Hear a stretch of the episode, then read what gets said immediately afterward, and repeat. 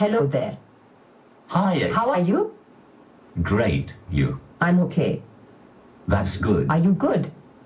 Yes, I am good. I just said I was. No, you didn't. I said I was.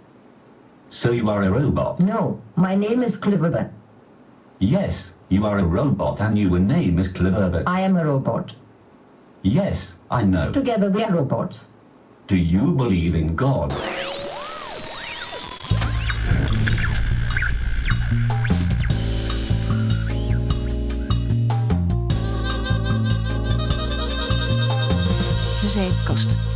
Opgenomen dinsdag 12 juni 2018. Welkom allemaal bij aflevering 49 van De Zeepkast. Jouw bron voor al je science, technology en popculture nieuws. Tegenover mij zit, eh, zit David. En tegenover mij zit Sander. Hoe is die David? Ja, goed man. Ja? Gaat, eh, gaat goed. Mooi man. Ja, en met jou? Ja, gaat ook eh, gaat prima. Gaat zijn gang allemaal. Hè? Ja, Ik ben ja. blij dat we weer lekker aan het opnemen zijn. Ja. Het is eh, altijd, we, bespreken nooit eigenlijk echt privé dingen eh, in de podcast. En dat hoeft van mij totaal niet. Maar er zijn altijd weer allemaal van die eh, zoveel dingen gaande. En, en dan zitten we hier van, ja, gaat, ja, gaat goed wel. Gaat zijn gangetje. snap dat je, is snap je een beetje wat ik bedoel? Een beetje een Van- standaard, standaard Ja, ding geworden. eigenlijk betekent het niks. nu. Nee, dat, dat, je nooit zegt ja, gaat eigenlijk best wel kut. En eh, ja, true. Nou ja, om een persoonlijk dingetje erin te gooien. Niet dat het slecht gaat met ons. Ik, eh, maar ik, ik heb, nou dat heb ik volgens mij al eerder gezegd. eh, ik heb wat dingen omgegooid. Ik heb sinds kort heb ik eh, een hondje. Heb ik dat al eerder verteld of niet? er is volgens mij wel een aflevering waarbij je iemand hoort piepen op de achtergrond. Ja, dat was niet eh hè, David's Dungeon. nee, wauw. nee, dat was. eh, ik, ik heb een, sinds kort heb ik een ruwhaag tekkeltje. Cosmo. Naar eh, het. Cosmo, mooie naam. ja, toch? Comic book eh, character. Ja, dat, daar is je naar vernoemd. Hè? Ja, hè? En uh, nou, zijn ruwhaag tekkeltje. En die, die ligt nu aan mijn voeten te kauwen op een, op een bullenpees. Dat eigenlijk gewoon een bullenpenis is, die gedroogd is. Maar dat market niet zo lekker, dus noemen ze dat een bullenpees. Ja, nice. En dan is die, eh, is die lekker stil. Dus eh, hopen dat dat zo blijft gedurende de Ja. opname. Precies. Maar dat komt vast goed. Ja. Dus dat. En eh, ik ga per september heb ik een, een nieuwe baan. Dus Gefeliciteerd, man. Thanks. Super nice. ja, je wist het ja, al even, ja, ik maar... wist het eh, al een tijdje. Dus daarom, ik heb maar daar daarom, daarom moest ik ook aan denken Ja. van dat we hier zitten. Ja, hoe gaat het met je? Ja, Ja. goed hoor. Hoe gaat het? Ja, nee, dus eh, hè, onze luisteraars mogen ons best een beetje, eh, een beetje leren kennen. ja, precies. Dus ik, Ja. nee, ik, ik ga een nieuwe, nieuwe baan beginnen. Nou, fuck it, ik ga ook gewoon vertellen wat het is. Ik, ik ga beginnen bij KPN, ICT Consulting. dus ik word consultant. ja, gaaf man. Super toch? cool. Ja, Ja. gelukkig hebben we volgens mij KPN nooit echt zwart gemaakt eh, in de... Ga, gaan we nu doen, toch? Ja. nee, nee, je moet nooit, eh, hè, je moet nooit je schepen veranderen. Of, ja, eh, precies. ja. Heel mooi gezegd. Ik denk dat wij nooit meer bij Mars One kunnen werken.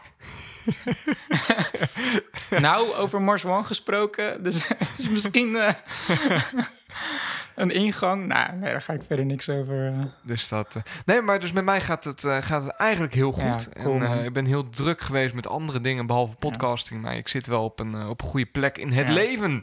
Ja, fijn man. Super cool. Dus dat is even een kijkje in de, in de keuken bij mij. En, nou ja, Ondertussen ben ik alleen maar mijn synthesizer kasteel hoger wou aan het bouwen.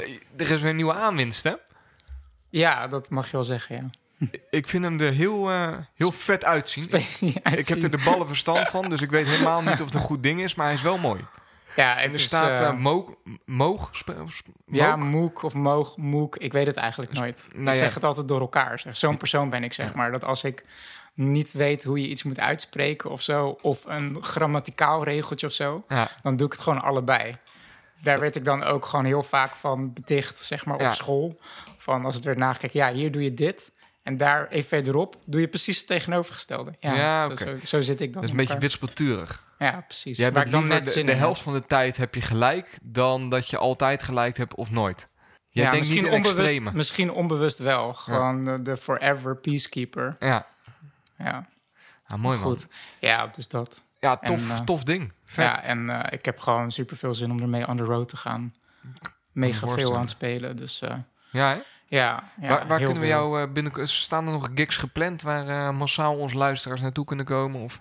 Nou, eh, nu even niet. Ga, ik ga even weer wat proberen te schrijven. Ja. En dat is, ja, als we dan toch bezig zijn, ik ga met de bad- band Kid Harlequin, ga ik met de popronde meedoen. Vet. Dus dat wordt voor mij persoonlijk de tweede keer dat ik eh, rond ga reizen met de popronde. Ja. Dus dat, eh, ja, ik heb super, dat is meestal het najaar, ongeveer oktober, november, zoiets. Ik ben benieuwd wat voor plekken me dat weer gaat brengen.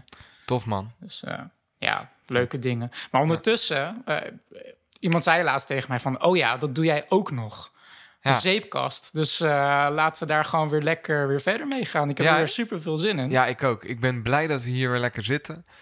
Eh, met een extra member nu. Hè? ja.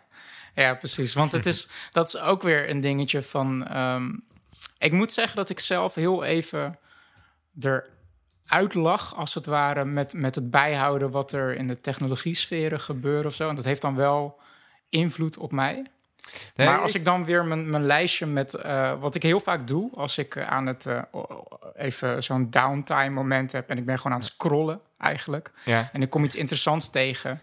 dan save ik het meteen in mijn pocket. Je zeg maar, pocket, van, ja. Ik heb, kan het nu niet lezen, maar dan heb ik het gewoon. En het gevaar daarvan is dat je brein dan al... volgens mij dopamine aanmaakt van... je hebt het, je hebt, je hebt het niet eens gelezen, maar Ja, ik je heb ooit hebt een het. artikel gezien Ja. dat dit en dit als titel had. Ja. Is dat zo? Nee, maar dat, eh, dat idee toch? Dat je, dat je gewoon kan...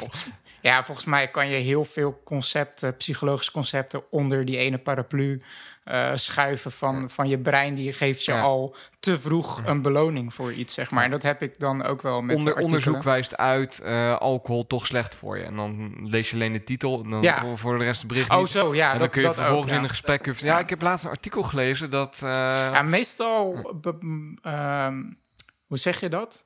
Beoordeel ik of ik het de moeite waard vind om eh, te, te bewaren met inderdaad de titel, maar ook wel de bron, zeg maar. Ja. Ik weet, sommige bronnen die zijn gewoon iets minder clickbait. clickbaity gevoelig. En dan is het als, alsnog eh, niet onmogelijk hoor. Dat ik dan later dan er doorheen scroll van... oh ja, dat wou ik nog lezen. Dan klik ik het aan en dan lees je het tegen. van... Ja. oh nee, dit was niet, niet boeiend. En dan gaat het gelijk weer de prullenbak Ja. in. Maar, maar dat, maar dat deed ik laatst tijd niet zoveel. Maar ik merk toch als ik er weer doorheen scroll van... oh ja, er is super veel om over te hebben. Dus Ja. er is zoveel gebeurd. Nee, ik, ik had het ook een tijdje. En ik merk dat wij elkaar daar ook altijd in enthousiasmeren. En als dat weg is, dan, eh, dan, dan, eh, dan is Ja. dat ook, eh, ook weg.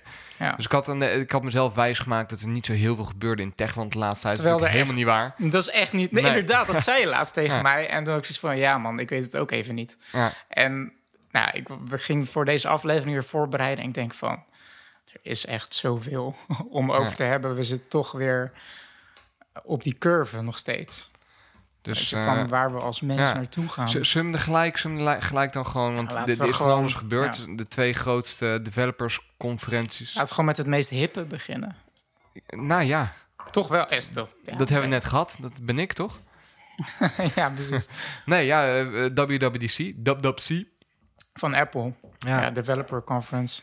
Worldwide Ja. Developers Conference. Zullen we niet helemaal in detail treden. Maar Nee. ehm, ja, de, de- vooral wat ik helemaal had verwacht. Vooral software aankondigingen. Eigenlijk was, ja, nou ja, van oudsher is natuurlijk ook een, een, een softwareconferentie of Mhm. een conferentie. Hoe Noem je dat een conferentie? Ja? Ja, is het wel. Ja, hè? ja. ja. En eh, ze hebben vorig jaar dan, dan iPads aangekondigd, maar over het algemeen zit daar geen hardware in. En daar ben ik, eh volgens mij, vorig jaar precies hetzelfde gesprek gehad. Dat ik daar blij om ben dat er Ja. te weinig Ja, of geen precies. hardware in zit. Ja. Niet, eh, En ik vond het op zich wel een, een, een, een fijne, fijne presentatie. Ja, ik ben. want ze hebben het weer een soort vierluik van gemaakt. Met, ze begonnen met iOS voor, voor iPhone. Ja, Daarna WatchOS, tvOS en daarna macOS op het einde. Ik vond het een beetje een aparte eh, volgorde van, van onderwerpen. ja? Want ik denk toch wel dat iOS is wel het meest hippe van eh, hippe operating system van Apple. Tuurlijk. Ge- eh, By far de meest, meeste gebruikers. Die hebben vaak ook de meest spannende updates. Die hebben ze gelijk in het begin eraan gegooid. Hebben ze wel de- zeker al 50 minuten aan besteed, denk ik dat dan weer wel. Ehm, maar daarna kreeg je dus eh, tvOS, eh macOS. En ik moet bekennen, bij macOS viel ik in, in slaap op de bank. En het Ja. zegt niet zozeer iets over de, over de presentatie zelf, want ik was gewoon vet moe en ik lag op de bank. Maar ja, ik vond het toch een beetje Ja, nou ja ik, ik vond het ook niet waard om het nu helemaal tot in detail te gaan bespreken. Maar Nee. er zijn mij wel een aantal eh, tendensen opgevallen door heel het, heel het verhaal heen. Ja, ik ben benieuwd. Eh, eigenlijk WatchOS en tvOS, tvOS.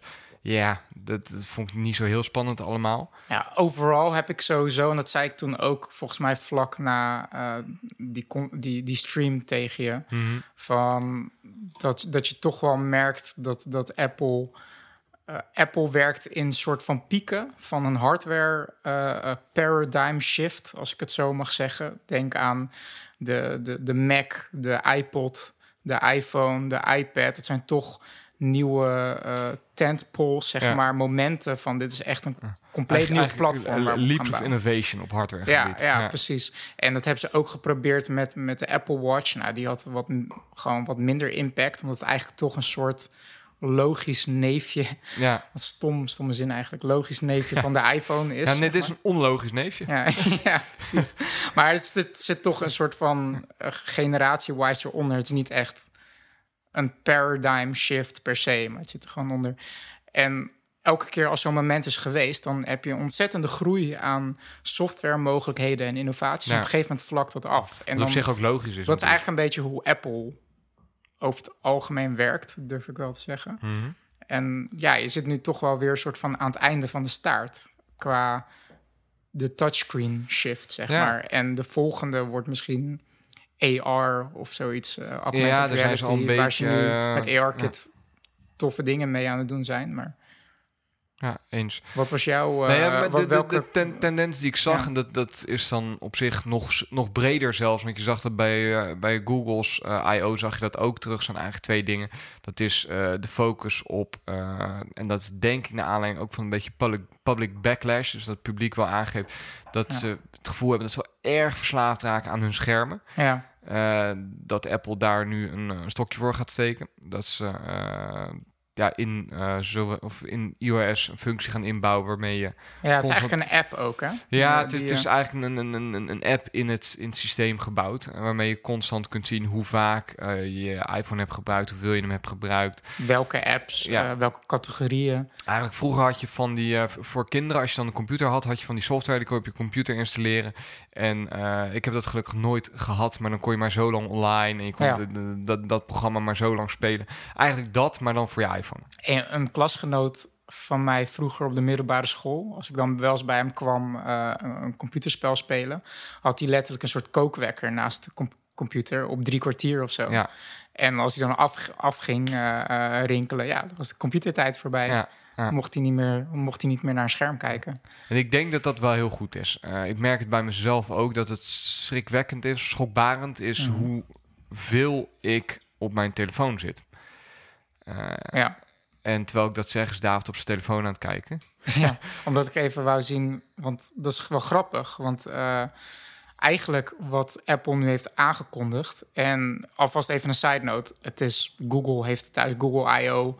paar weken daarvoor exact hetzelfde Ja. aangekondigd. Dus met, dat is, vind met, ik... met, een, met een scherm, met een overzicht van Ja. hoeveel op de dag, hoeveel tijd je besteedt, welke apps je opent, En apps kunnen begrenzen. iedereen, iedereen of tenminste, je, je leest dan in bepaalde comments dat Apple weer iets gepikt zou hebben uit Android. Maar volgens mij is dat Ze doen het wel dit, anders. Hoor. Ja, maar in, in, in dit is dat ook niet helemaal het geval. Omdat het een logische eh, stap is. Het is geen nieuwe innovatie, maar het is iets waar het publiek om vraagt. En dat is niet... Ja. Ja, dat, dat zeg je heel goed. Want voor, voor ehm, eh, de Apple keynote, ook een paar weken daarvoor, had ik ook zoiets van: ja, ik ben wel benieuwd hoe vaak ik mijn telefoon oppak Ja. en hoe lang ik er naar kijk. Het was gewoon puur uit nieuwsgierigheid. En toen heb ik de app eh, Realized. Ja, dus Realized, dat spel je R-E-A-L-I-Z-D. Had ik geïnstalleerd op mijn telefoon. En die doet eigenlijk, behalve het kunnen begrenzen van apps, dat je echt een pop-up krijgt van ja, je hebt, je hebt nog. eh, je zit al een uur op Instagram, eh, je hebt nog een kwartiertje, Ja. dan eh, is je budget eigenlijk op om eh, Instagram voor de dag te gebruiken. Dat kan die app niet, maar wat hij wel kan is laten zien hoe vaak je je telefoon oppakt, Ja. hoe lang je er naar kijkt. En dan meet hij dat ook, laat, geeft hij ook in een schema in intervallen van vijf minuten hoe druk je op een dag bent met je telefoon. En dat was ik gewoon wel nieuwsgierig naar. En om gewoon inzichten te geven van hoeveel invloed dat eh, in je dagelijks leven heeft. ja, zeg en hoeveel tijd je eigenlijk ook verdoet met onzin. Toch? Tenminste, dat is het voor mij.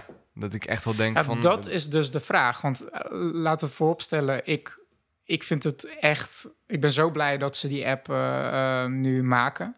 Dat dat in iOS 12 eh, erin gaat zitten. En vooral ook om je wat waarschuwingen te geven. Een tikje op de schouder van... hé, hey, je Nou, kijkt ja, nu wel erg lang naar deze specifieke app. Vooral die functie vind het ik is heel fijn. bewust, bewustwording, hè? Jezelf eh, bewust maken van wat doe je nou met je tijd? En is, Precies. is dat echt eh, de beste use, Want- best use of time? Want ja, precies. Want dat is dus een beetje het ding. Want ik heb wel een beetje het gevoel, volgens mij, ik las, eh, ik zag ook iets voorbij komen dat de VPRO ook een programma had gemaakt over dat iedereen nu vers- verslaafd raakt aan zijn telefoon. Ja, tegenlicht geloof ik. Ik heb Ja, dat zou maar- zomaar kunnen. Ehm, maar ik vraag me wel een beetje af of we dan de schuld bij de juiste plek leggen. Bij het apparaat, bij het scherm per se.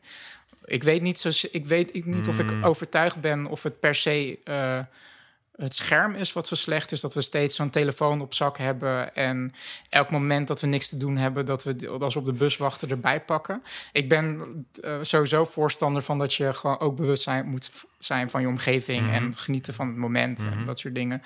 Maar ik denk dat eh, wat vooral eh, op dit moment schadelijk is en waar we licht op moeten schijnen, zijn algoritmes. En apps die ontzettend algoritme eh, aanhankelijk zijn. Zoals een Instagram, Nou ja, als apps een Twitter, als een YouTube. zo geprogrammeerd zijn dat het enige doel dat ze dienen is om zoveel mogelijk user time te loggen. Dus zoveel Exact. mogelijk interactie te triggeren bij de gebruiker. Exact. Ja. En de- daar zit dan eh, een, een verschil aan interesse in. Eh, aan, aan ehm, hoe zeg je dat in het Nederlands? Conflict of interest. Want Apple die maakt... Belangenverstrengeling. Precies, want. Apple die maakt een apparaat. En hun belang is zoveel mogelijk van die apparaten verkopen. Ja. Wat je er daarna mee doet... eh, Dus hun hebben er ook een meningen in. Hun, ze- eh, eh, hun communiceren naar de buitenwereld. Dat ze het vooral tof vinden als zoveel mogelijk kinderen nu prog- eh, codingles gaan leren programmeren op scholen. Wij verkopen En- een en apparaat en, lezen we en- zouden en- het tof vinden als je het zo gebruikt. Maar als je het niet doet, fine. Ja, uiteindelijk ligt het allemaal bij jezelf hoe je iets gebruikt natuurlijk. Alleen dus hun zetten vooral in... Hun hebben natuurlijk baat bij dat er zoveel mogelijk app-developers komen. Zodat er dus meer content is, zodat me- meer mensen apparaten gaan Ja. eh, verkopen. Maar je ziet dat... Ik denk dat het grootste deel van de apps die vooral gebruikt worden op zo'n apparaat zijn... ehm, ja, apparaten die inderdaad meer belang hebben... dat je er zo lang mogelijk naar kijkt. Zoals een Instagram of Social YouTube. media. om de kans te vergroten dat je zoveel mogelijk advertenties ziet. Ja. En ik denk dat dat vooral eh, het, het schadelijke, het verslavende aspect is aan het apparaat. Niet zozeer dat iedereen elke dag, eh, als hij op de bus staat te wachten, zijn Wikipedia-app eh, Nee, opent om een random artikel te openen over van, goh, dit wist ik nog niet. Is Ten er wel zo'n app? Ja, ja, die is er zeker. Maar dat is minder populair dan bijvoorbeeld een Instagram... waar je gewoon... eh, eh, die er zo op gebouwd is... om jou zo lang mogelijk engaged te houden... dat je blijft scrollen en elke Ja. keer maar die advertenties ook Ja. voorbij ziet komen.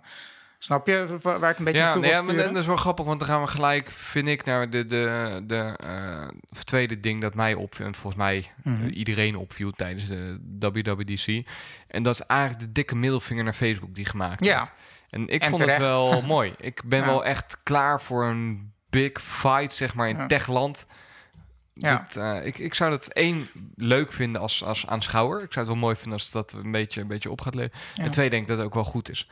Dat Ja, er- maar, ik, maar ik, mijn argument is ook dat we daar ook vooral eh, de verantwoording bij moeten moeten leggen bij dat soort bedrijven als een Facebook, die eigenlijk algoritmes de wereld eh, in aan het sturen zijn om mensen zo, zo lang mogelijk verslaafd te houden. Eh, om zoveel mogelijk die, die dopamine rush, om daar maar bij te blijven te, te voeden, snap je? Ja, snap ik heel goed. En ik denk dat Facebook de laatste tijd sowieso slecht opstaat. Ik ben alleen zo bang dat ze too big te veel zijn. Ja, snap ik. In de laatste eh, algemene voorwaarden van WhatsApp, die iedereen heeft moeten accepteren, staat Ja. gewoon dat ze jouw Ja, metadata. er zijn wel meer algemene voorwaarden die ik vandaag de dag moet accepteren. Ja, dat klopt. En Maar niet moet accepteren, want ik vind het wel tof dat je nu overal heel selectief kan zeggen van je mag niks van me verzamelen. ja, maar, tracking cookies Ja, niet. en eh, nee, ja. klopt. Maar die van WhatsApp, die moet je accepteren, anders kun je WhatsApp niet gebruiken. ja, En daar staat gewoon in dat ze jouw metadata mogen gaan koppelen aan je Facebook profiel. ja. Ja, dat gaat wel ver. Zeker. Aan de andere kant zijn we allemaal zo afhankelijk geworden van het medium Facebook. Je hebt een tijdje gehad toen zo'n zo'n eh, zo, zo, zo'n eh, ja, public outcry en iedereen riep we gaan met z'n allen naar Telegram en daar is Ja. eigenlijk niet zo heel veel van van van. is niet, is niet zoveel van gekomen. En dan Ja. heb je nog Signal als als messaging app en dus je hebt wel alternatieven en toch blijft iedereen bij eh, WhatsApp Ja. Omdat het too big te veel is. Mensen stappen niet over. En je hebt laatst Niet Lubach, over. Lubach Ja. gehad met zijn hele actie van... eh, we stoppen met z'n allen met Ja. Facebook. Ja. Die ik iets te vroeg vond komen trouwens. Als hij daar twee weken mee had gewacht... dan was het onder de nieuwe wetgeving gekomen. En dan eh, nou, was het misschien handiger geweest... dan als je dan je Mhm. Facebook profiel opzegt... dat je gelijk een verzoek in kunnen dienen... dat je ook wil dat ze al je data wissen. Het recht om vergeten te worden. Ja. en dat, eh, dat zat er toen nog niet in. Mhm. Maar goed, het werkt allemaal niet. En dat vind ik wel freaky. Ja, zeker. Ik, ik, het is denk ik nog inderdaad afwachten waar dat naartoe gaat. Ik vond het ook. Heb je die beelden ook gezien van dat eh, Mark Zuckerberg eh, werd ondervraagd? Eh, ik, ik heb de Amerikaanse beelden gezien in, het in de Senaat... maar ik heb ze niet in Europa gezien. Ja, nou, die van Europa die waren best wel bizar eigenlijk. Waarin ehm, hij moet eigenlijk verantwoording leggen voor zijn bedrijf, wat de doelen zijn van het bedrijf. Ehm, eh, wie- wie inderdaad de ver- verantwoording heeft voor de eindgebruikers zijn data. En het leek wel alsof Mark Zuckerberg onder controle was van de Kamer. Dat hij eigenlijk bepaalt welke vragen die wil beantwoorden en hoe. En elke vraag die hij niet wil beantwoorden, zegt ja, daar kom ik eh, later op terug schriftelijk. Oké, wanneer later, hoe schriftelijk, hoe kunnen we daar dan weer een tegenreactie op geven?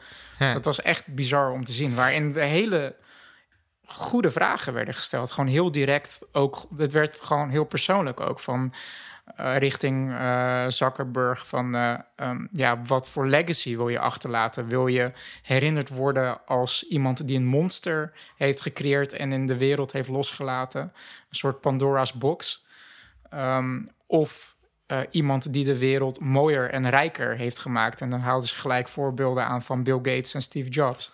Ja. Ik vond het wel gaaf om te zien en dan zo jammer dat dat, dat vuur eigenlijk meteen gedoofd werd door de hele constructie van het, van, van het debat überhaupt, van de onder, ondervraging eigenlijk. Ja, nee, Ja. Wat, wat ik zeg is, ik had hem in Amerika gezien en dat vond scho- ja, scho- heel schokkend hoe slecht die senatoren eh, geïnformeerd waren. Ja, Die dat was echt in vra- Amerika inderdaad van... Echt gewoon facepalm van Ja. de- onder welke steen kom jij vandaan? Ja, Maar Facebook gebruikt gewoon heel vaak het excuus eh, dat ze eh, over landsgrenzen heen gaan. Dus dat ze zich niet, of dat ze niet te maken hebben met specifieke wetgeving. Dus, ja maar dat vind, ik, dat vind ik ik he- heel... Dat vind ik niet interessant, die wetten. Kijk, die wetten die kunnen wij... Die, die zijn gewoon bedacht, weet je. Maar wat ik gewoon meer interessanter vind, is van... Wat... ehm, ja, wat is het doel? Wat is het effect op de mensheid? En wat wil Facebook uiteindelijk ja. bereiken? Is het inderdaad gewoon een monster om iemand verslaafd te houden, zodat je zoveel mogelijk geld binnenharkt? En dan is dat, is dat het doel? Is Ik- dat echt het filosofische doel uiteindelijk? Ja, nou ja, goede vraag. Nee, om, om er even op, op, op terug te komen, want dit is natuurlijk een, een discussie die heel diep gaat. En ik persoonlijk, dat kan ik ook wel, ook wel zeggen, en misschien dat we daar een keer een, een hele aflevering Mhm. aan kunnen wijden. Maar ik persoonlijk kom steeds meer tot de conclusie dat Facebook echt wel de face of evil is. Ja, en ik heb het dus ook, daarom zei ik ook net snap wat ik niet bedoel? per se, daarom noemde ik er net niet per se Facebook, maar meer algoritmes. Ja, En het is nu gewoon eenmaal zo dat Facebook ja maar ben, ben ik niet helemaal met je eens. e- algoritmes maakt en andere partijen ook opkoopt die op algoritmes gebaseerd zijn, zoals Want- want- Instagram. AI zijn ook algoritmes. Je hebt lokaal op je iPhone heb je ook genoeg algoritmes draaien. Ja, maar ik heb het dus specifiek dus over algoritmes. Want daar heb je gelijk in. Maar ik bedoelde, om het dan mezelf te verduidelijken... bedoel ik specifiek algoritmes... om zoveel mogelijk engagement Ja. te creëren. Dus dat je zo lang mogelijk ernaar wil kijken... Ja. en eigenlijk het verslavingsmechanisme wil triggeren. Want als ik een stomme vergelijking mag maken... het is net alsof net de... eh, de, ja, hoe moet je het zeggen? De, de, de vending machine, dus de snoep, snoepmachine is bedacht dat het heel makkelijk is dat je overal iets uit de muur kan trekken. Eh, dat, dat is dan de techno- technologie-innovatie. En dan zijn we nu, ja, misschien moeten we de, al die machines beperken. Maar die machines kan je ook volstoppen met, met gezonde dingen, bijvoorbeeld, weet je. En Ja, nee, het, het lastige is, en je gaat nu een beetje richting de eh, shifting the blame, zeg maar. Dus of, of Mhm. het belangrijk is om ergens de schuld neer te leggen. Want ik, Nou ja, ja. je, je kan nu heel makkelijk het argument maken van ja, guns don't kill people, people kill people. Nee, nee, nee. Daar, daar, nee dat, dat hebben we is het niet... wel eens eerder- ja, eerder hebben we over gehad, hebben we het ja. over gehad. Maar dat, dat bedoel ik niet zozeer. Maar het is wel... eh, de mens is te manipuleren. Ja, zeker zeg maar. weten. En eh, er wordt nu door vooral Silicon Valley en de techbedrijven... wordt eigenlijk zonder genoeg een ethisch licht op te schijnen... Worden, kunnen zij gewoon hun gang gaan Ja. om de mens te, te manipuleren. En als je dan bijvoorbeeld naar de voedselindustrie kijkt, dan wordt daar al een stuk strenger eh, naar gekeken en, en vragen gesteld. zich van, ja, heel moet- veel regels te houden. En daar, daar zijn we z'n allen heel en, kritisch op. En moet Ja. McDonald's gewoon inderdaad stoppen met eh, eh, in Amerika met Super Size Me vragen en die grote cola flessen. Want dat is gewoon, dan trigger je gewoon een evolutionair diep level van de mens. Wat je kan triggeren. En wat, wat je, waar je dus gewoon heel secuur mee om moet gaan, Ja, zeg maar. ja. En dat hebben we voor onze gedachten eigenlijk, voor onze mind, zeg maar. Worden we gewoon gebombardeerd met, met manipulatie. En, snap je? Ja, met, dat- met, met verslaving. Ja, precies. En het enige wat ik dan zeg is van... ehm, de- op dit moment is de, is de drager daarvan... zijn onder, onder, onder andere de smartphone. Ja. Maar die- het is dan meer de, de, de machines en bedrijven daarachter... die, Die kiezen hoe ze het gebruiken. Ja. Precies, Ja, dan de drager. gelijk. Dat is Ja. eigenlijk een beetje waar ik naartoe wil. Ja. En daarom vind ik het super vet dat Apple en Google Had je, had je de die, stappen zetten. Had je die slide eh, gelezen? Op een gegeven moment had Apple had een slide waarin ze, en dat ging over Mac OS, dus het besturingssysteem voor je Mac. En daarin Mhm. eh, gingen ze vertellen dat ze eigenlijk eh, de Facebook tracking pixel tegengaan. Hè, waar de laatste tijd heel veel om Dat had ik dus, ge- volgens mij was ik toen in slaap Nou ja, ik, had op een gegeven moment had ze letterlijk een, een pop-up melding Ja. op een slide in beeld staan. En die zei: Do you want to allow Facebook.com to use cookies and website data while browsing blabbermouth.net? dat, nou, dat vond ik Ja. wel echt even een dikke middelvinger richting, Ja, eh, richting Facebook. Ik ben het met veel dingen ben ik het niet eens met Apple, maar waarom ik nog steeds een Apple gebruiker ben, is omdat ik wel eh, los eh, dat ik niet weet wat hun beweegreden ervoor is, dat ik wel eh, gewoon helemaal achter sta dat zij voor jouw privacy er zijn en gewoon te durven Eens. daarin. Ik betaal liever snijden. meer als Ja. ik weet dat ik zelf het product niet ben. eh, ja, dat je zelf niet ja. het product bent, inderdaad. Eens. Dat, maar dat is ook. eh, ja, vet. En waren er nog andere dingen ehm, in de. Ja, heel veel leuke snufjes. shared experiences van, van AR-kit. Dat je dus met Ja. meerdere iPads naar dezelfde virtuele wereld kan kijken. Doet Google ook. Maar eh, Apple doet het gewoon allemaal local. Dus allemaal encrypted tussen de apparaten. Ehm, dat is wel het grote verschil. Hè? Dat Apple en Google hebben Ja. eigenlijk heel veel di- dezelfde dingen aangekondigd. Ook de zoekfunctionaliteit in je foto's. Alleen het verschil is dat bij Google gaat alles naar hun servers en leren ze gewoon meer van je. En bij dingen. Apple gaat alles local en Daarom zal Google meestal krachtiger zijn. Ja. Eh, dus effectiever zijn. Omdat ze gewoon veel meer data hebben. En eh, zal, eh, nou ja, moet je er wel moet je op de koop toenemen dat Google ook alles van je weet. Dus dat is een keuze die denk ik ieder voor zich moet maken. Hoe, Ja, je, hoe jij daarmee om wilt gaan. ja, ja, zeker. Of jij tevreden bent met iets mindere, ja, noem je het dan per se minder? Ik weet niet of het minder is. Maar iets minder ehm, uitgebreide zoekfuncties en functionaliteiten. Als in eh, je foto's doorzoeken. Ja. Of dat jij er mee akkoord gaat dat een bedrijf eigenlijk een profiel van jou aan het opbouwen is Ja. aan de hand van jou van jouw data. Ja. Kunnen we gelijk wel even lekker op doorpakken Ja, ook, denk ik. Want dan kunnen we dab, dab, dab, zie. ja, even afsluiten. Het, is, het was eh, weer tof om te zien welke features ze weer bedacht hebben. Ja, En eh, ja, Heel relaxed dat ze ja. eindelijk even gewoon stability op oudere iPhones ja, aanpakken. nice. Ja, zeker. Ook weer Ja, dat- gewoon een, ja. eh, een, een teken afgeven dat ze nog wel geven om de userbase Ik en om... ben er eh, 100% van overtuigd dat het ook weer een signaal is van nee, wij doen niet aan planned obsole- obsoles- obsolescence. Ja. Zeg maar dat heel veel mensen geloven dat Apple bewust oude apparaten niet meer support, zodat je nieuw moet kopen. Ja. En dat is een mythe die eigenlijk al jarenlang eh, gaat. gaat. En met batterijgate en zo, eh, elke keer raakt dat weer een beetje op. En het is een soort van kat-en-muisspel, zeg Ja. maar. Dan kondigt Apple dit weer aan van nee, het is niet zo. En dan gebeurt dit weer van Eens. Ja. Dus dit, dat, dat vond ik heel fijn. En voor de rest, ja, gewoon lekker 2,5 uur eh, kijken naar wat, wat Apple allemaal bedacht heeft. Geen schokkende nieuwe producten. Dus ik, eh, nee, ik heb hem wel vermaakt. Ja, zeker. En op een technologisch vlak is het natuurlijk weer gewoon echt super amazing. Wat ze vooral ook bijvoorbeeld die, eh die memojis, dat je ook gewoon een avatar op je gezicht kan plaatsen. Zo, ja, op een technologisch vlak is het gewoon echt Ja. belachelijk dat dat gewoon in je telefoon True. zit. Met die face tracking, hoe goed dat werkt. Zo. Ik, ik ben wel heel benieuwd. Ik vond dat er aan de ene kant niet uitzien. En aan de andere kant kan het ook zijn omdat ik niet gewend ben. Maar FaceTimen tot, wat is het, 32 man? Ja, volgens mij wel meer. Maar het zat, ja. Of tot Richting 64? de- Of maar ja. ik, ik, ik zie dat niet gebeuren, man. Dat is toch één kippenhok dan? Ja, met al die eh, ehm, gezichten die steeds in je scherm van... Ja, en die zegt nu dat. Want Ja. dan volgens mij is dan... Is Wie, er, wie praat, die komt naar voren, zeg maar. Ja, Op het moment dat je praat, wordt je, wordt je scherm vergroot. is er en niet dan genoeg daarnaast- tijd dat hij switcht per gezicht? iedereen er als kip of als, als, als clown of als Oh, biggetje? of, dat, dat wordt echt Ja, super hectisch volgens mij. ja. ja. hilarisch. Dus daar ben ik wel heel benieuwd naar. En ik ben heel benieuwd naar de nieuwe iBooks, Apple Books. Ja, ja ik gebruik... Ik gebruik Nou, ik lees vrij iBooks veel eh, op, eh, op mijn iPad. ja, op je splinternieuwe iPad. Ja, iPad 2018. Ik heb hem gekocht. Ja, super nice man. Ziet er goed uit. Dus, eh, maar laten we doorpakken. Want we hadden het net al even over, over de grote eh, Google.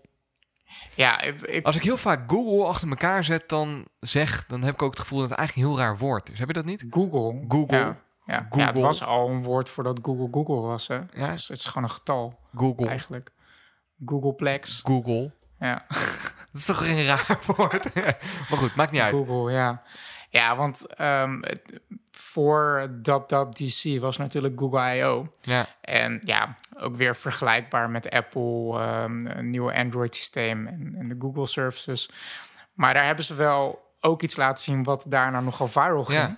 En we zijn een beetje late to the party. Want volgens Ja, mij heeft iedere heeft nu- tech-podcast heeft het daar al over gehad. Ja, precies. Maar, ehm, Maar ik denk wel dat wij een, andere, of een ander licht opschijnen dan, dan de meeste. heeft een eh, beetje kunnen inzinken, zeg Ja, maar.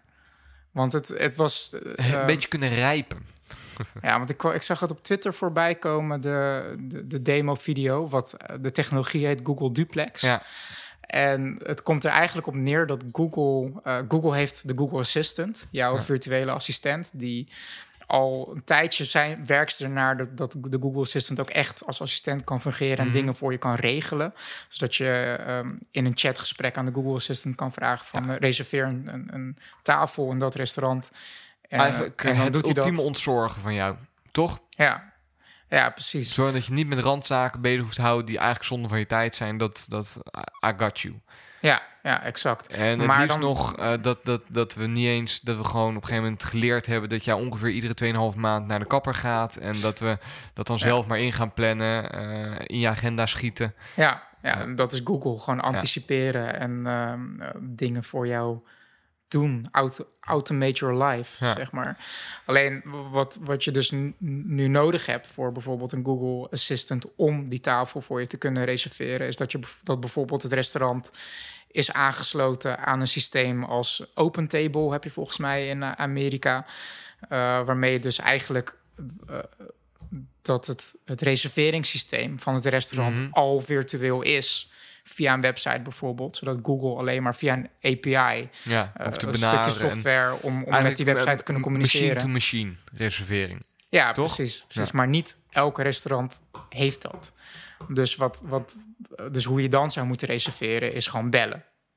Ja. Gewoon opbellen van, joh, ik wil volgende week vrijdag eh, met drie personen komen. Eh, om dat tijdstip kan dat. En dan zegt de restaurateur van... Ja, ze noemt restaurateur? Nee. Hoe heet zo iemand?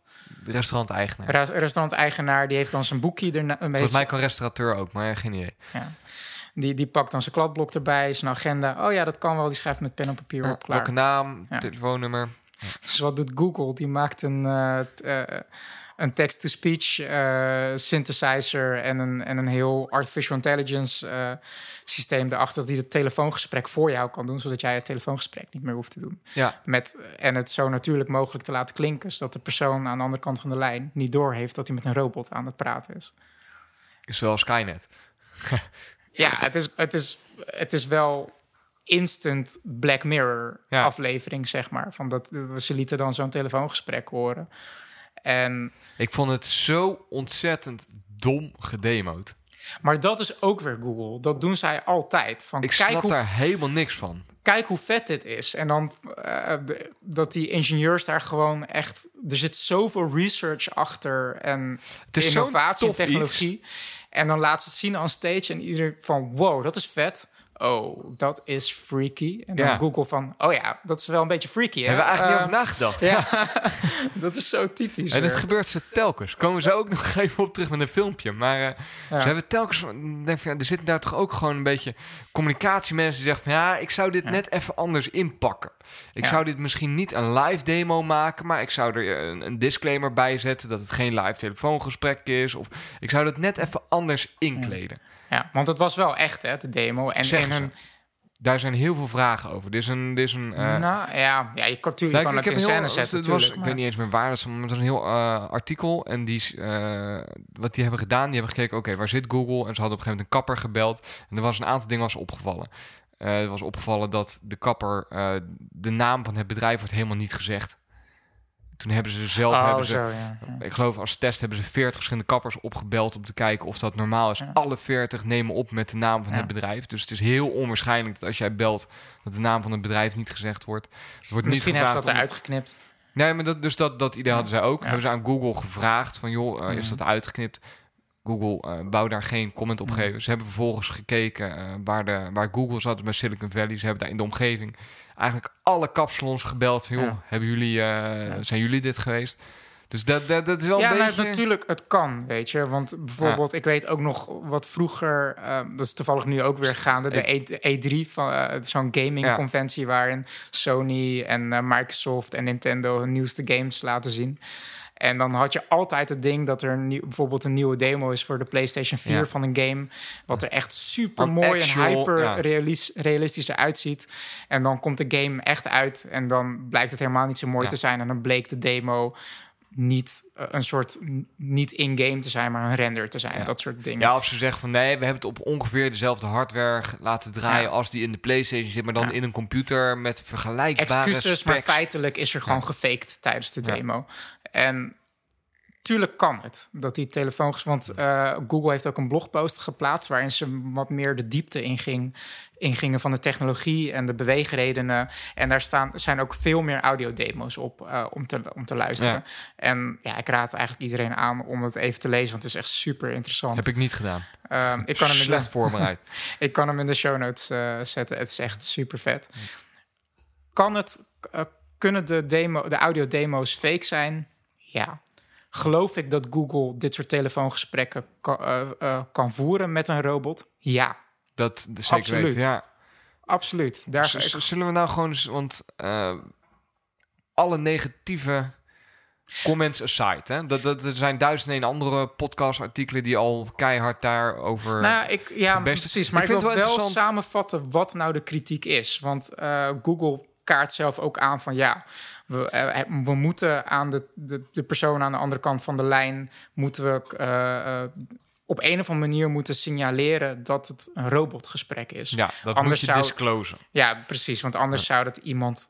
Dan ben je iemand aan het bedotten. Ja ik, Ja. ik heb daar ook mijn vraagtekens bij hoe erg het nou eigenlijk is. Maar goed, dat, dat tezijde. En Google zegt zelf dat ze de komende zomermaanden gaan experimenteren hoe ze dat zouden kunnen doen. Ja. Door misschien eh, een, een bepaalde eh, brom of toon in het gesprek te laten voeren, eh, op de achtergrond te laten klinken. Ja. Om, maar Google zegt zelf ook dat ze nog niet weten hoe ze dat willen gaan doen, maar en dat ze daarmee gaan experimenteren.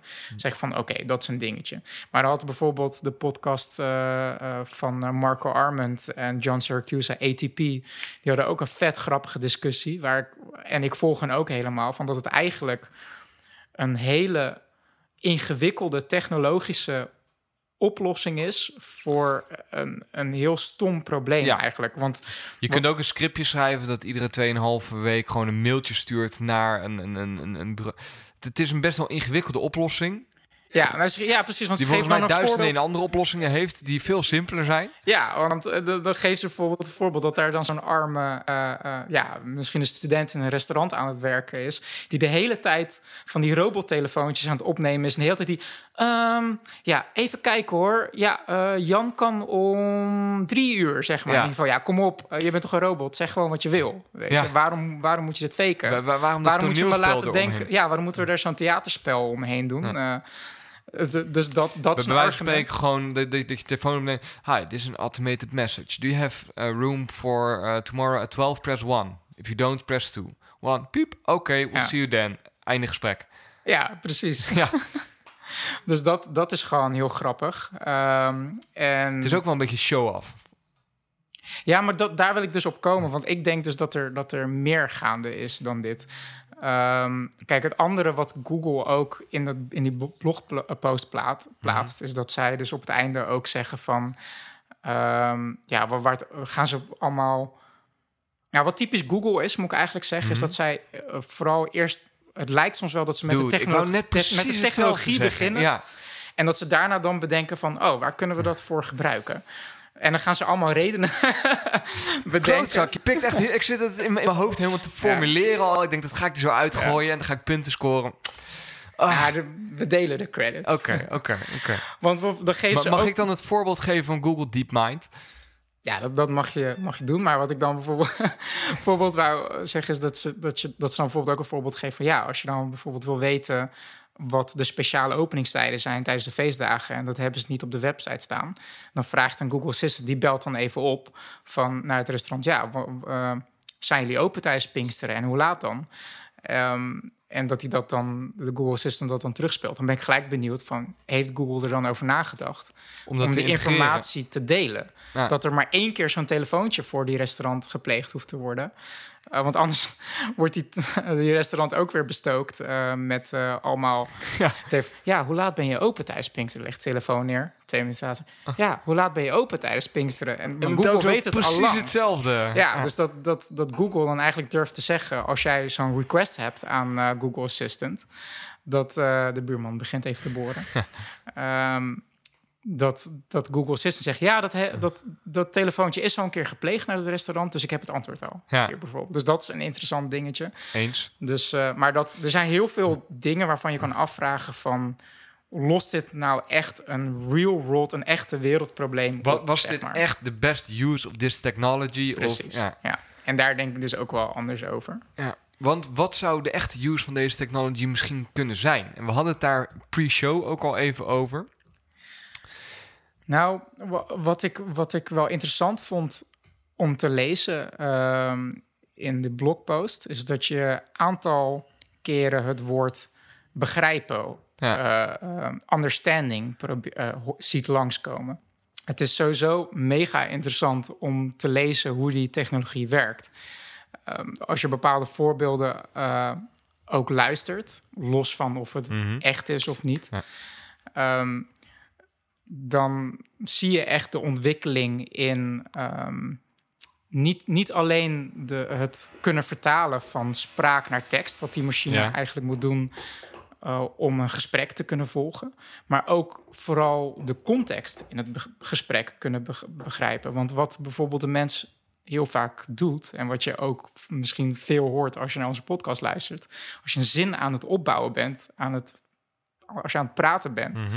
dan ben je eigenlijk tegelijk, tegelijkertijd in je hoofd ook constant aan het bijsturen van wat, waar wil ik naartoe Ja. en wat wil ik communiceren. En wat er dan gebeurt, is dat je hele rare pauzes maakt in je zinnen. Ehm, je corrigeert jezelf heel veel eh, in, in, je, in je zinnen. Dus dan geef je bijvoorbeeld een voorbeeld van dat een, een winkeleigenaar kan zeggen: Ik ben bijvoorbeeld van eh, vrijdag, zaterdag, zondag. eh, zaterdag, zondag ben ik open. En dan had hij dus een foutje gemaakt door vrijdag te noemen. Dat Ja. soort dingen. Ja, rare pauzes heb ik Ja, gezegd. en, en hoe, hoe interpreteer je dat dan? En precies. En zelfreferenties naar, naar dingen die je veel eerder in het gesprek hebt gezegd. Want het, het is al lastig bijvoorbeeld voor Siri om te snappen van eh, bijvoorbeeld. ehm, ja, wat is een goed voorbeeld? Hey Siri, wanneer is Vaderdag? Ja, ja, bijvoorbeeld, of nee, laten we zeggen, wat voor weer wordt het? Wat, wat, wat voor weer wordt het morgen? En dan zeg, geeft Siri een antwoord met, eh, ja, het wordt morgen 20 graden. En dan zeg je, en overmorgen? Ja. En dan, dan snapt Siri dat niet. Wat bedoel je met en overmorgen? Ja. Maar dan kan je nog een soort van voorstellen van...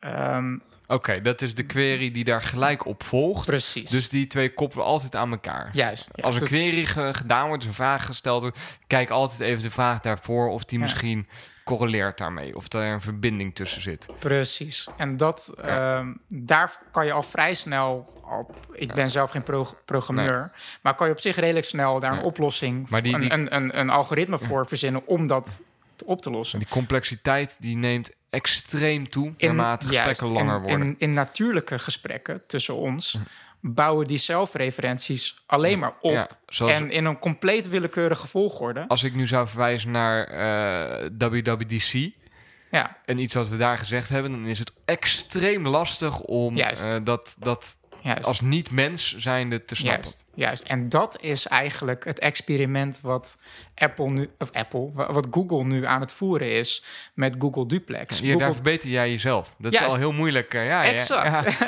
Daar ga je al. ja. Hè, Eh, wat? Apple, Google, eh, error. Ja. Ja, en dat is de, denk ik het probleem waar Google echt in geïnteresseerd is. Ja. Want wat Google Duplex dus is, is een super geavanceerde deep learning mechanisme om maar, maar proberen bij te houden wat al die zelfcorrecties en zelfreferenties eh, zijn en hoe die werken en die op tijd te kunnen vangen. Hoe communiceert de mens? wat eigenlijk? mens van nature al doet Ja. zeg maar. Om dus eh, eh, ja, de mens als het ware te begrijpen. Daar ga je al. Dat, dat heeft een hele hoop mogelijkheden. Dat Ja. betekent dat in een audio-driven interface, dus op het Ja. moment dat jij een, een apparaat hebt dat je met je stem wil eh, bedienen, als dit goed gaat werken, dan opent dat heel veel mogelijkheden. En daar. dat is dan de, de, het consumentenlevel. Dan ga je, Ja. ga, je naar, ga je naar een consumentenproduct van wat nou als een, een speaker of een kastje aan de muur echt snapt wat ik bedoel. Los maar echt, of je het wilt of niet. echt, echt ja. snapt wat je bedoelt. Dus niet, niet zozeer verstaat wat je zegt en daar dan een, een, Heel een simpele, query op loslaat geven, van, van wat voor weer wordt het morgen. Maar echt begrijpt wat je wil zeggen. Ja. Snap je? Uh, maar dat is dan het consumentenniveau. Ik denk dat het zelfs no- nog verder kan gaan dan de, de mens aan zich begrijpen. Dat is, dan gaan we echt de filos- filosofische kant op. Maar wat, dat is denk, denk ik, dat ben ik aan het invullen voor wat ik uh, uit die blogpost lees. Uh, wat Google Duplex moet gaan worden.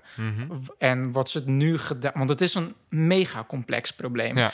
En wat, wat Google nu gedaan heeft om het probleem als het ware een beetje in te perken... om het nog een soort van behapbaar te maken...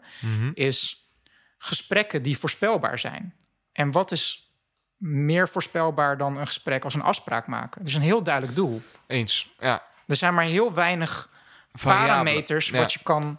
De, de kans is super klein dat wanneer je een restaurant opbelt en vraagt van eh, is er volgende week een tafel vrij? Dat, de- Wat, dat wat vind jij van eh, Trump? Dat je dat antwoord Ja, krijgt. exact. Ja, ja. ja, het hoogste wat je, wat je krijgt is ja, en het eh, ja, het is mooi weer nu, hè? Ja. Dat is misschien het me- meest Heb je nog wat leuks gedaan gisteren? Ja, ja. dat zal, zal je echt niet krijgen. Dus Nee. dat is eigenlijk waarom ze dat gedaan hebben. Dus het is niet zozeer dat, dat denk ik nogmaals, dat, dat de ingenieurs achter tafel zaten van... goh, ja, vervelend hè, steeds dat je Heb jij dat ook altijd?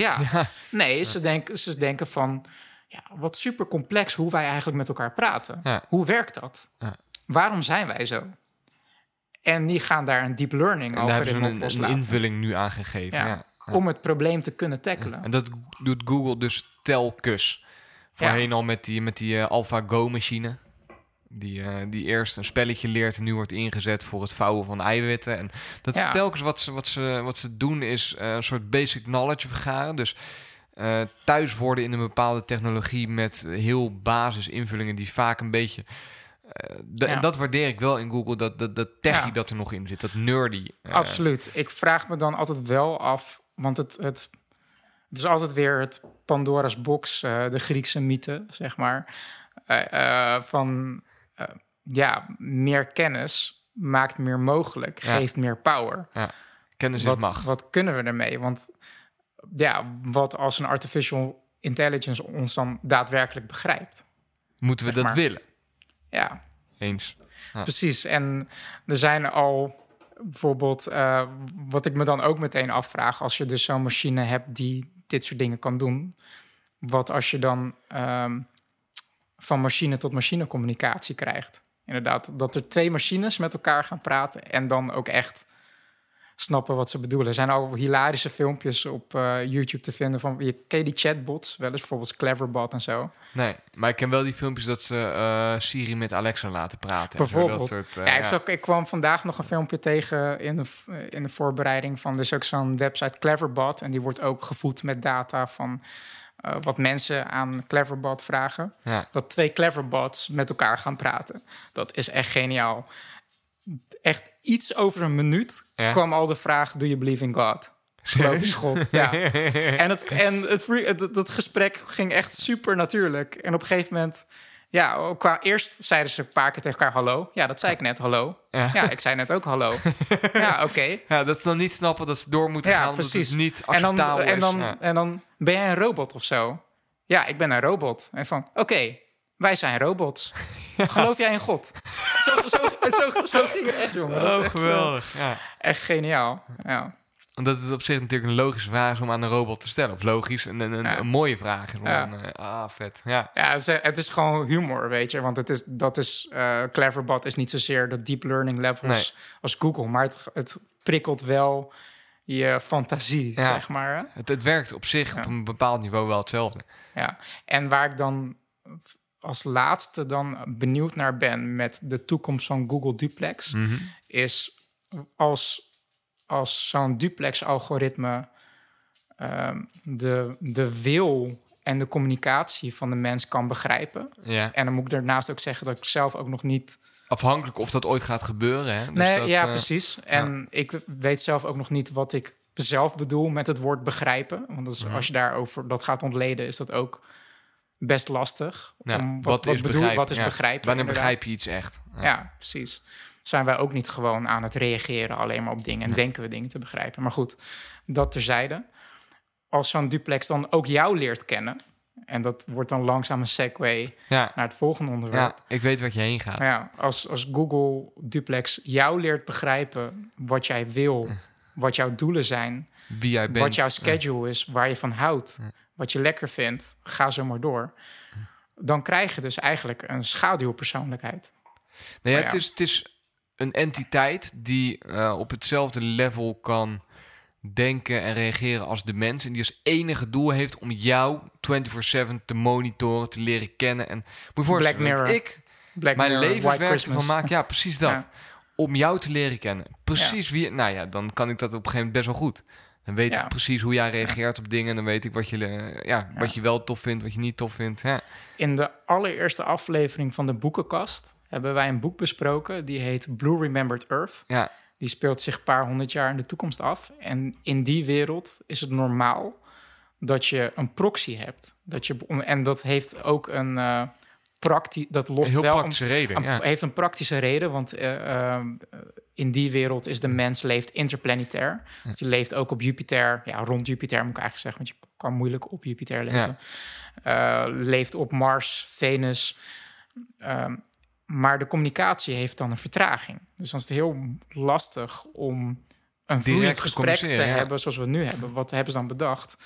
Om ter plekke, om die, om die latency, die vertraging op te lossen... een, proxy te een digitale proxy van jou te versturen om het gesprek te voeren. Van, Dus een digitale versie van jou. ja, en dat gaat heel, heel ver, heel persoonlijk. Van, nou, hoe gaat het nou echt met je? En eh, hoe gaat het met je werk? En dat vraagt de proxy dan aan jou. En dan vertel je dat en dan wordt een gesprek gevoerd. En na de hand krijg je dat mee. En ehm, ja, soms gaat het een soort van semi-real-time. Dat je dan ook die proxy kan bijsturen in het gesprek of zo. Maar, Ja, maar met wat vertraging natuurlijk. Maar als jij eh, in, in grote lijnen ziet dat jouw Ja. proxy aan het ontsporen is... en dingen het zegt die Ja. jij niet tof vindt. ja precies. Ja. en dat zijn ook wel hele interessante dingen om over na te denken. Dat je misschien soms... Ik word nu bijvoorbeeld momenteel overladen met datumprikkers.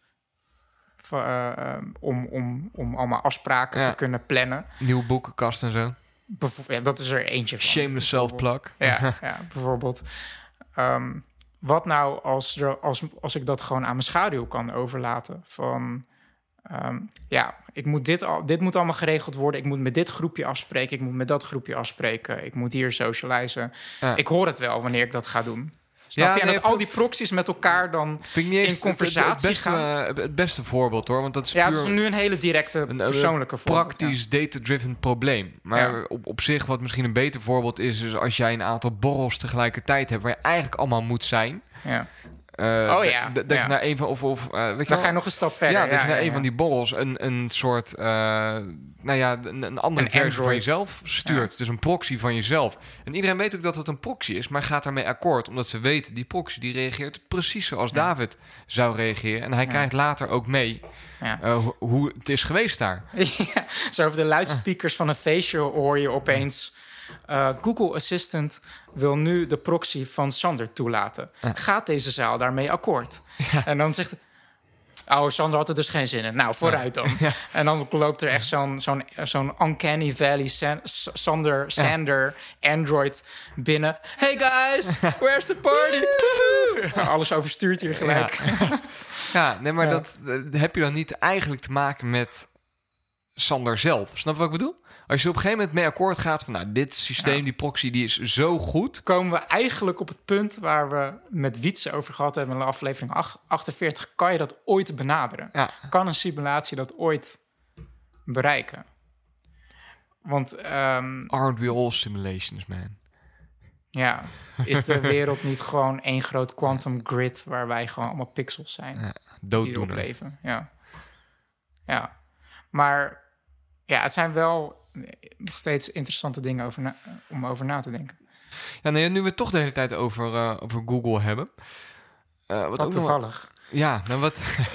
want, eh, en die is ook al een poosje geleden, maar die is... Ja, ook eh, vorige maand in mei. Ja, er is een, een, een filmpje online verschenen en die is eigenlijk gemaakt door twee Google employees, eh, waarvan Medewerkers. eentje, eh, eh, mede, dankjewel, waarvan eentje eh, werkzaam is bij eh, Google X. Ja, Google X bes- bestaat dat nog, Google X? Volgens mij is dat weer opgeheven. Volgens mij ja, of het is rebranded of ja, precies. Maar Google X was een soort van de experimentele designafdeling van Google, die bijvoorbeeld die ook eh, Google Loon hadden bedacht. Ja, De- met die ballonnetjes en, eh, wifi. eh, Die constant eigenlijk gekke dingen bedenken, eh, die, die eigenlijk de zeepkast stel shit bedenken die gewoon tof zou zijn en die de toekomst vooruit helpt. laten we dit Zonder doen. de beperkingen van een commerciële insteek per se. Ja. Toch? Ja, goed samengevat. Ja.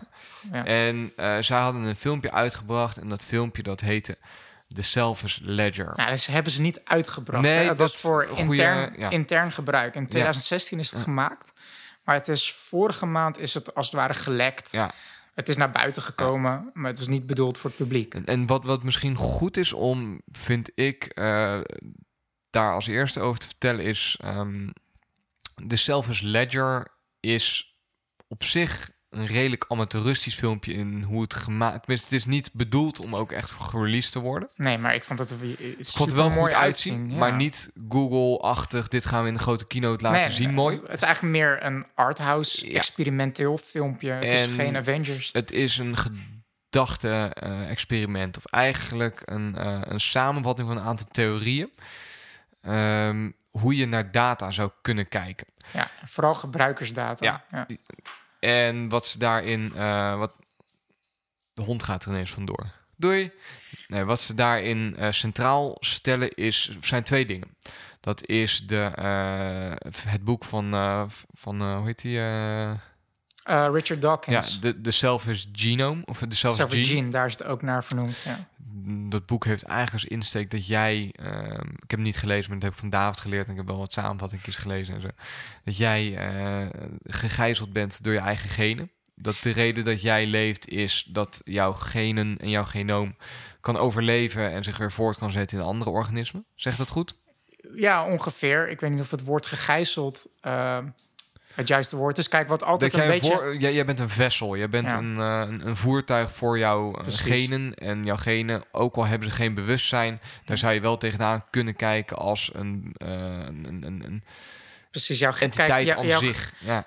jouw genen, als ik dan mm, een keer weer even snel dezelfde gene soort van mag samenvatten, is jouw genen zijn is eigenlijk wat de biologie, het Mhm. universum zou je bijna kunnen zeggen, heeft bedacht als oplossing om informatie in op te slaan. Ja.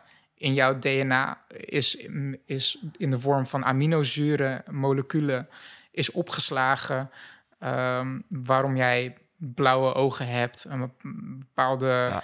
ehm, en ook bepaalde ehm aanleggen bepaald hebt gedrag voor, vertoont. Ja. ja, tot op zekere hoogte. Want je moet nooit nature en nurture. Nee. eh, is ook natuurlijk een dingetje. Maar je hebt natuurlijk wel aanleg voor bepaalde dingen. Voor bepaalde ziektes. Voor bepaalde talenten. Als ik het zo durf te zeggen. Het is altijd een beetje een tricky, tricky punt. Maar eh, het, het is eh, ja, wat, wat, wat er ontstaan is om informatie in op te slaan.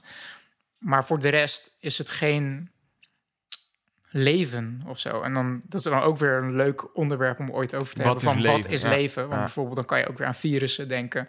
Vi- virussen hebben een bepaald gedrag, maar leeft een virus? Ja, dat is een beetje freak. freak. Virussen zijn heel, heel freaky.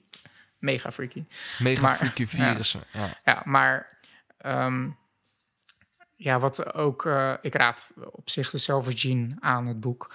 Er zit een hoofdstuk in dat heet The Replicators. En de Replicators leest echt als gewoon een super vette Hollywood film, als het ware, van hoe het zou gegaan zou kunnen zijn dat de eerste moleculen eigenlijk zijn gaan kopiëren en dat evolutie is, is begonnen.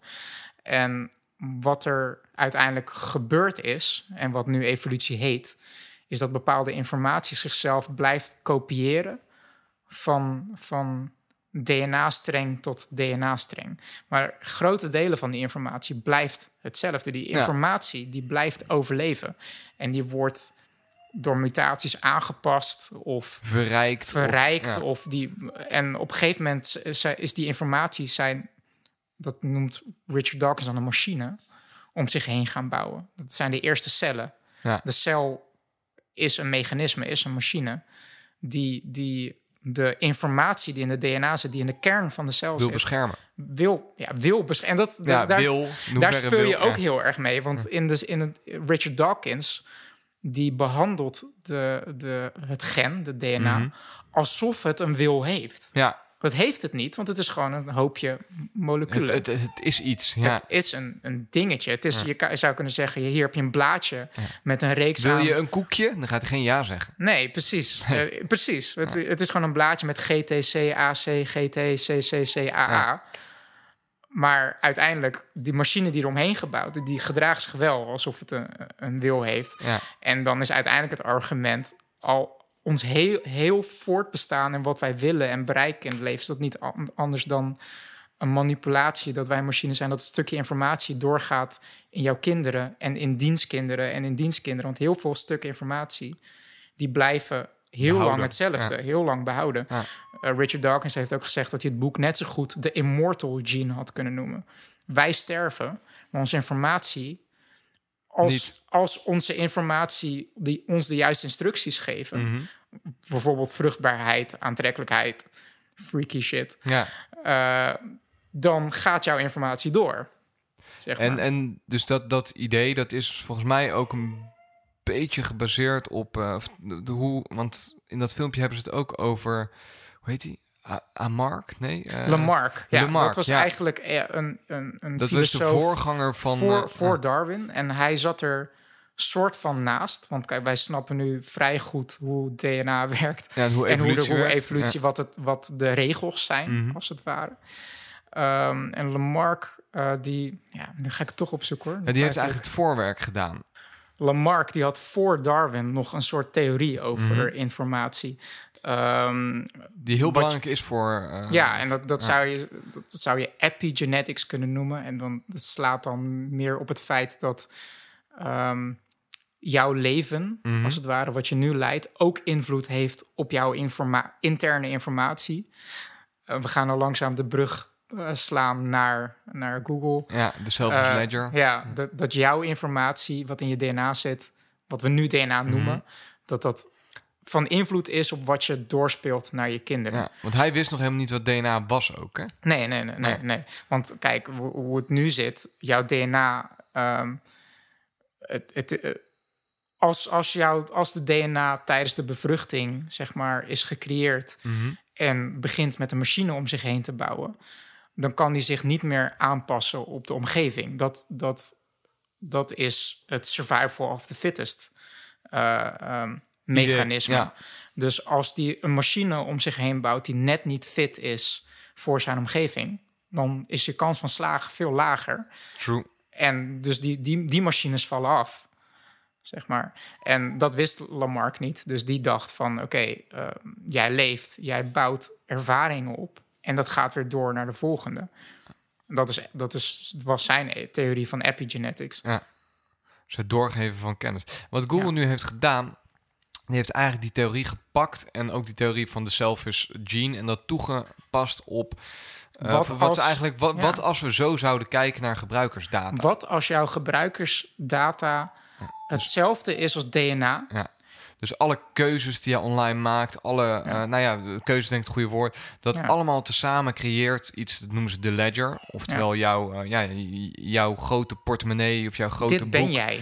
Met al jouw gebruikersdata, alle keuzes die jij Ja. ooit hebt gemaakt. Eh, en we zeggen nu online, maar ja, in feite alle keuzes, als je vanuit gaat dat alle keuzes vastgelegd kunnen worden, Ja, en dat is sowieso vet interessant, want ik denk ben wel jij dat... jouw keuzes. Want ja, dat, dat, dat wou ik dus net Ja. zeggen. Want ergens zou je kunnen zeggen van het enige bewijs dat jij jij bent, is jouw interactie met je omgeving. Ja, Als jij niet, niet, niet reageert op jouw omgeving, geen keuzes maakt en geen interactie hebt met dingen, met niks, wat ben jij dan? ja, Dus jij bent wat je doet met je omgeving. eens. En dat, dat is wat- Google ook zegt. Van, nou, als wij zoveel mogelijk verzamelen hoe jij op je omgeving reageert, wat voor keuzes jij maakt, dan weten we wie jij bent. Dus dan creëer je zo'n ledger. Wat nou Ja. als we daar precies hetzelfde tegenaan kijken als in... eh, In de Ja. dat is het uiteindelijk dat jouw. ge- eh, want wat dus Richard Dawkins eigenlijk zegt met, met DNA, met het, met het gen, met de gene. Dat, dat jij gewoon een tijdelijke machine bent die dat gen draagt en dan weer doorspeelt. Dat dat met gebruikersdata misschien ook zo gezien kan worden. Dat eh, wat wij nu bijvoorbeeld Ja, privacy. Google, ja, precies niet- wat, ja. Google, wat Google dus zegt. Eh, want wat we dus met privacy eigenlijk proberen te bouwen, is al mijn keuzes, alles, dat ben ik. En dat is van mij. ja, Maar is wat dat nou zo? als je, als je dat loslaat en... En dat, jouw Ja. dat jouw gebruikersdata eigenlijk toebehoort tot het groter geheel, als het ware. communistisch gedachtegoed. En, eh, ja. en je volgende generaties. vond ik super interessant.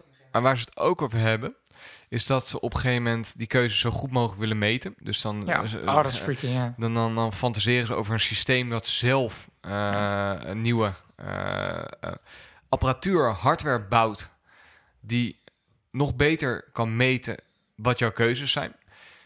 En dat ook doet op de manier die het best bij jou past. Want hij, het kent je als geen ander. Dus Ja. het wat jij mooi vindt, welke kleur je mooi vindt. Wat, eh, nou, precies wat voor apparaat Ja. jij zou neerzetten Ja. in jouw huis Ja. om eh, dat meetbaar te willen maken. Ja. Nou ja, dat is misschien Nou een stap te ver. kijk, Waar, waar ze het eerst over hebben is... als jij gewoon, en zie je ook beelden met een iPhone... en jij hebt ervoor gekozen dat jij een... eh, en dan hebben ze het over beïnvloeden van jouw gedrag. Je hebt ervoor gekozen dat je op een gegeven moment... en dat doen ze natuurlijk, zoals altijd bij dat soort filmpjes... eerst op een heel erg idealistisch niveau.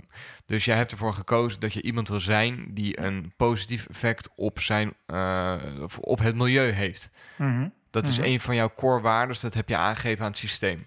Vervolgens eh, gaat de Selfish Ledger gaat dus jouw keuzes ook toetsen daaraan. Mhm. En die gaat kijken, oké, je hebt nu de app Uber, heb jij openstaan. Eh, ik ga een suggestie geven dat jij misschien wel een Uber Pool wilt gebruiken, dus wilt gaan carpoolen, omdat jij iemand bent die veel geeft om het milieu. Ja. Dan ben je wel bezig ook met het vormen van, Precies. van, die selfish ledger. Krijg je dan Ja. op een gegeven moment niet ehm, een soort klonen of kloongedrag? Snap je wat ik bedoel? Dat Ik snap wel wat je bedoelt, maar dat is ook precies eigenlijk ook een beetje het punt ergens wel wat Richard Dawkins in de Selfish Gene probeert te maken. dat we en wat jij dus allemaal heel bedoelt erg met op elkaar lijken. Dat we ook Nou, dat, je, dat jij eigenlijk gewoon. ehm, ja, hoe moet je dat het beste zeggen? Waar ik eigenlijk naartoe wil gaan, is dat, Mhm. dat dit weer naar, naar, naar voren brengt wat vrije wil is en Ja. betekent. En is het. Want als je dus... dat is als niet je, altijd leuk om over na te Nee, denken want nee, Ja. nee, nee dat, is, dat is heel erg. eh, dat kan eh, voor een existentiële crisis eh, Ja. zorgen. Want als je namelijk Selfish Gene lasert.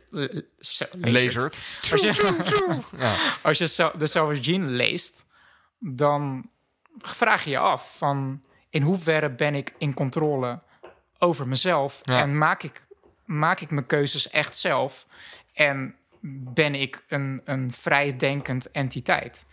En Want er zijn genoeg biologie-experimenten. Cogito die- ergo sum. Ik denk die- dus ik ben. Is Ja. dat wel waar? Ja. ja. precies. Want er zijn genoeg experimenten die het tegendeel bewijzen. De- ik denk dan meteen al aan bijvoorbeeld de bacteriën die in je, in je darmen zitten. Die kunnen gewoon letterlijk jouw brein chemicaliën creëren, Afgeven, in je, ja. afgeven in je, in je lichaam. Eh, wat, wat jouw Dat effect heeft op jouw gedrag. Ja. Dat jij gewoon echt gewoon... Dat je opeens denkt van...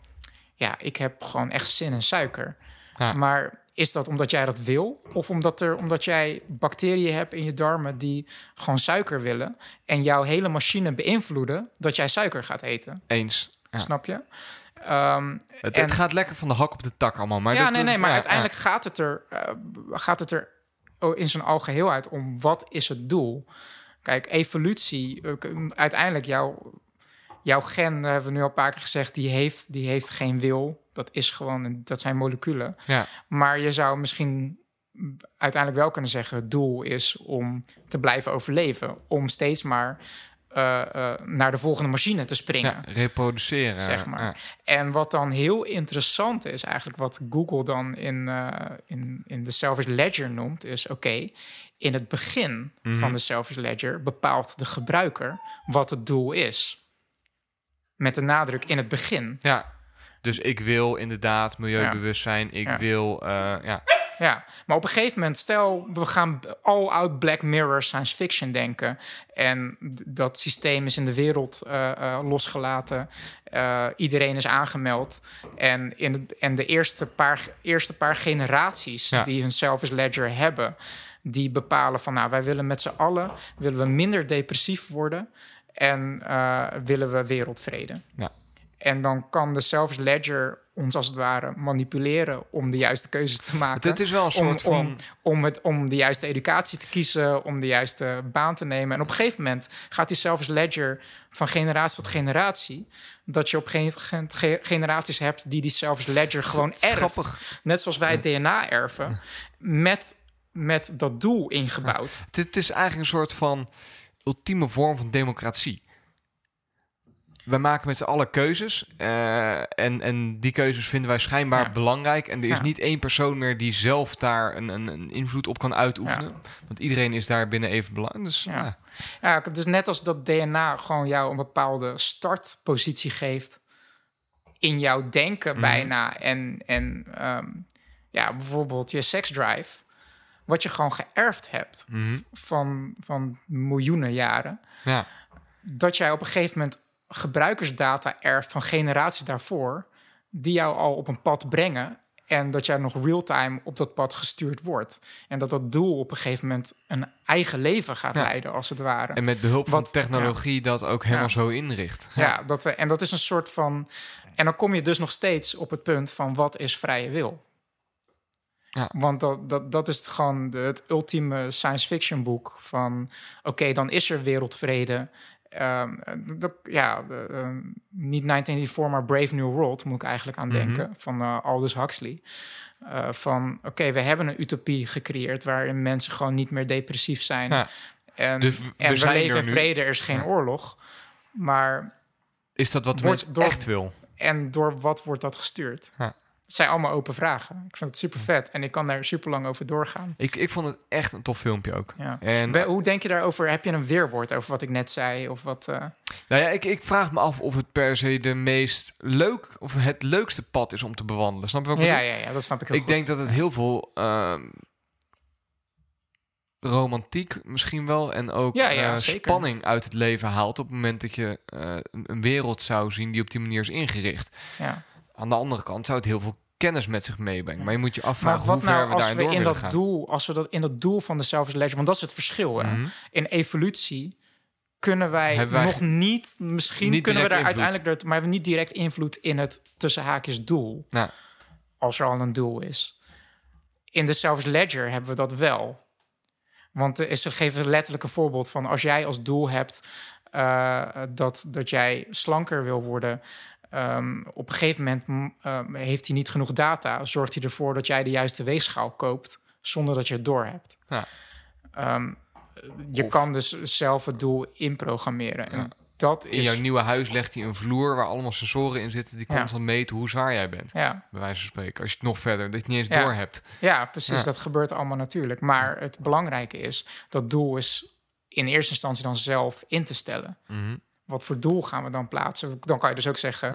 het doel is dat we eh, meer kunst gaan maken. Dat we Maar meer ik- muzikanten krijgen in de Ja, wereld. maar ik, ik denk dat je dan... Kijk, nu hebben we nog het idee van individualisme. Of individualisme. Ja, en dan zou je Homo sapiens moeten lezen. ik, ben, ik heb heel erg het gevoel Om dat- Homo Deus ja, bedoel ik. Van, eh, ik heb mijn eigen ideeën, ik heb mijn eigen Ja. eh, kijk op de wereld. Ik denk als jij genoeg data verzamelt, dat heel het idee van individualisme best wel eh, overrated is. Dat we eigenlijk uiteindelijk over het algemeen heel veel Ja. dezelfde dingen willen. Dus je geeft nu als voorbeeld slank worden.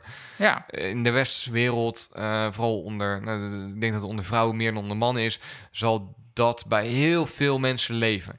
dat is precies Dus waar, moment- waar Yuval eh, Harari in het boek Homo Deus Ja? ook een beetje naartoe wil sturen. Dat dat individualisme misschien ook een illusie is, een fictie. Toch vind ik het een heel fijne illusie om te hebben. ja, Het is kan voor mij ja, wel ja. Een, een, een, Ja. een van de Mensen, vereisten. om- mensenrechten is ook heel fijn om te hebben. En dat is ook Ja. een fictie. snap je? Ja, Dus- absoluut. Helemaal eens. Dat. Volgens mij wordt mijn hond ook Ja, onrustig. en het wordt ook zo tijd Maar dat, dus dat, dat is wel wat ik daar in weerwoord aan heb. Ik weet niet Ja. per se of het, het zou een heel mooi, of het is een mooi idee, maar communisme is ook een mooi idee. Ja, ja, Het, het Ja. werkt niet per se, ja, omdat we als mens flawed zijn en dat misschien juist iets moois is om te bewaken en te bewaren. En dat vind ik wel een mooie, maar vind ik een mooie ook om even op te mooie eindigen. afsluiting. Ja. Hè, Kos, jij bent er ook klaar mee. Ja, ga, ga eens liggen. Lieve luisteraars, heb jij hier ook een idee over? Wat Wil je iets kwijt? Wat, wat een geniaal einde dit. Laat het ons weten. Bedankt voor het luisteren. Live long and prosper. Ciao.